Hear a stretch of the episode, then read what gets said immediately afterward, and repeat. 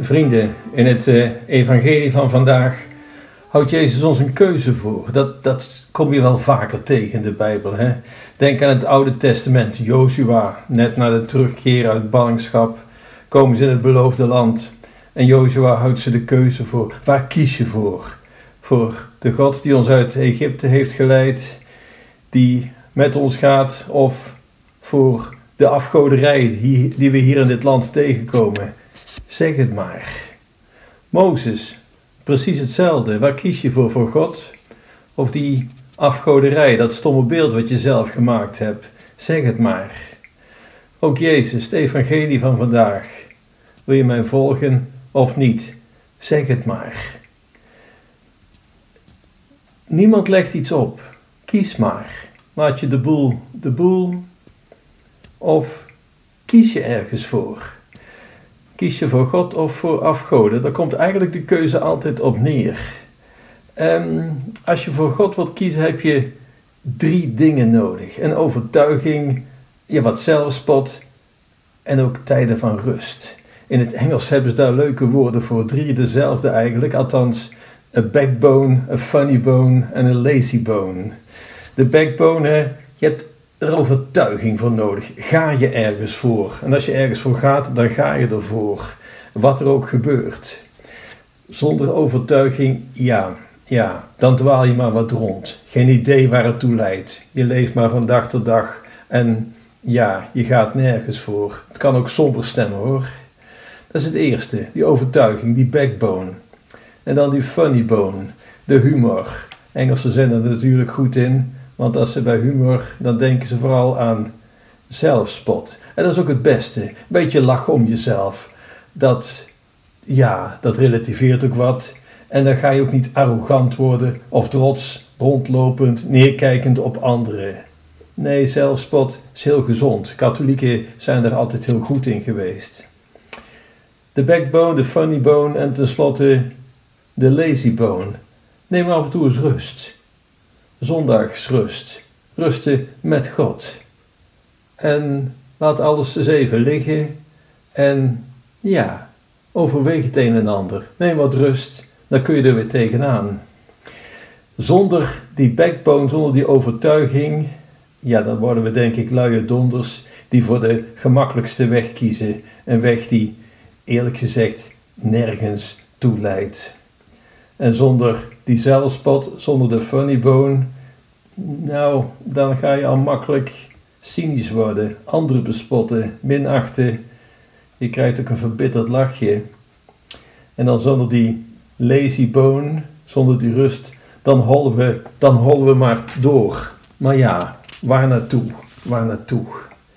Bid eens om ruggengraat, zodat je in goede en slechte tijden door kunt gaan. Wees volhardend. Die keuze voor of tegen Jezus, dat is zoals een kardinaal ooit zei, ik ben vergeten zijn naam. Ja, de katholieke kerk is als een restaurant, maar je kunt daar alleen terecht als je voor het hele menu kiest. Je kunt niet à la carte eten. Het hele menu of gaat u rustig naar een ander restaurant. Het is alles of niks. Um, dat, dat is lastig, dat vinden we soms moeilijk. Ik, ik merk het trouwens in de kerk. Soms zijn er van die moeilijke passages in de Bijbel, in het Evangelie. Die laten we dan maar het liefste weg. Ja, dan gaan we à la carte eten. Maar dan toon je juist geen ruggengraat, maar, maar slappe knieën. Um, ik denk aan een paar weken geleden, um, aan die brief van Paulus. Wat komen we daar tegen? Vrouwen, wees uw man onderdanig. Nou, hoe vaak slaan we dat niet over in de kerk? Ik had eens een keer een lectrice, die vond dat maar niks, die sloeg dat stuk over. Ik ben dan vervelend genoeg om daar dan in de preek even extra aandacht aan te geven. En toch, hè, we slaan het over, de pastoor wil geen doe, de bischop heeft liever geen brieven en de lector die mag trouwens gaan uitleggen um, ja, wat hij nou allemaal gezegd heeft. En toch, toon wat ruggengraat, lees het wel, overweeg het en kijk eens naar de hele context. Het is het woord van God. En om daar zomaar wat dingen weg te laten. En natuurlijk, je kunt het misbruiken, zulke regels. Dat is ook vaak gebeurd. Misbruiken om te heersen over je vrouw. Maar dan heb je nou net de context weggelaten. Je kunt de tekst weglaten, maar je kunt ook de context weglaten. Bij elke passage geldt, als je het gebruikt om een ander te domineren, dan weet je gewoon, het klopt niet. Kijk naar koning Christus aan het kruisen, daar eindigt het altijd, hè? overweeg dat. Over Christus gesproken, om uiteindelijk naar het evangelie van vandaag toe te gaan. Hoe, hoe, hoe ging dat? Hoe ging dat in die tijd? Hoe zijn de dingen gegaan? Als we kijken naar die Bijbel, eigenlijk alles is mooi. Alles is prachtig. Jezus trekt veel volk. Ze hoorden hem graag. Ze hoorden hem graag spreken. Ze zagen die wonderlijke daden die hij deed, die genezingen. Het veranderde levens van mensen. En ze leefden tot dan toe gewoontjes, huisje, boompje, beestje. Op zich is daar niks mis mee, maar als het dat alleen maar is, een sleur, dag in dag uit. Ja, wat is het dan? Huisje, boompje, beestje, ze volgden de regels van rabbies. Maar nu, maar nu, er kwam er iemand, wauw, ze leefde helemaal op door deze leraar, door deze Jezus. Want die was zoals niemand anders. Hij sprak met gezag, hij deed die wonderlijke tekens, is hier God zelf aanwezig. En ja, velen volgden hem. Jezus gaf hem te eten met brood. Ja, hoe kon dat nu weer? Vijf broden, iedereen kreeg te eten, ze konden het niet verklaren. Maar ze waren er wel van overtuigd, hij is degene waar we al eeuwen naar hebben uitgezien, de man Gods, God zelf.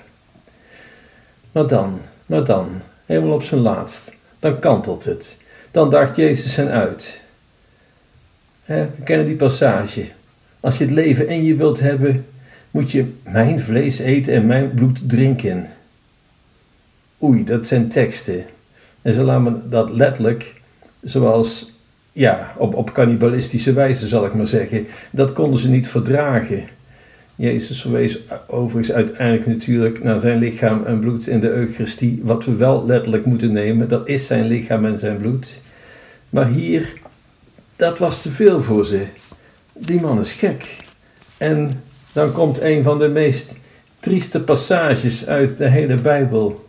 En ze gingen naar huis om hun oude leventje weer op te pakken. Het leventje van alle dag en alle dagen waren zo ongeveer hetzelfde. En waar leidde het toe? Nou ja, geen idee, maar het maakt ook niet uit. De mensen volgden Jezus totdat duidelijk werd dat hij verwachtte dat je ook ruggengraat toont om hem te volgen. Maar de reactie was: laat maar, en ze gingen naar huis. Kijk, het evangelie van vandaag. Ook de apostelen hadden vaak geen idee waar Jezus het over had. Maar ze gingen niet weg. Petrus, nee, waar moeten we anders heen? We hebben geen idee wat u zegt, dat gaat ver onze pet te boven. Maar we weten wel, gij zijt de Christus, de Zoon van de levende God. En dan het evangelie van vandaag. Nee, de apostelen begrepen ook niet wat Jezus allemaal precies bedoelde. En waren ze op, op dat moment allemaal diepgelovige heiligen? Nou, ik denk het niet. Later wel, dat weten ze, maar op dat moment. Sommigen waren meegegaan uit enthousiasme. Meelopers, mag ik het zo heel negatief zeggen. Anderen waren uit, en dat horen we vandaag in het Evangelie, op de beste baantjes in het koninkrijk van God, in het koninkrijk waar Jezus het over had. Een van hen had zelfs een totaal versteend hart, Judas.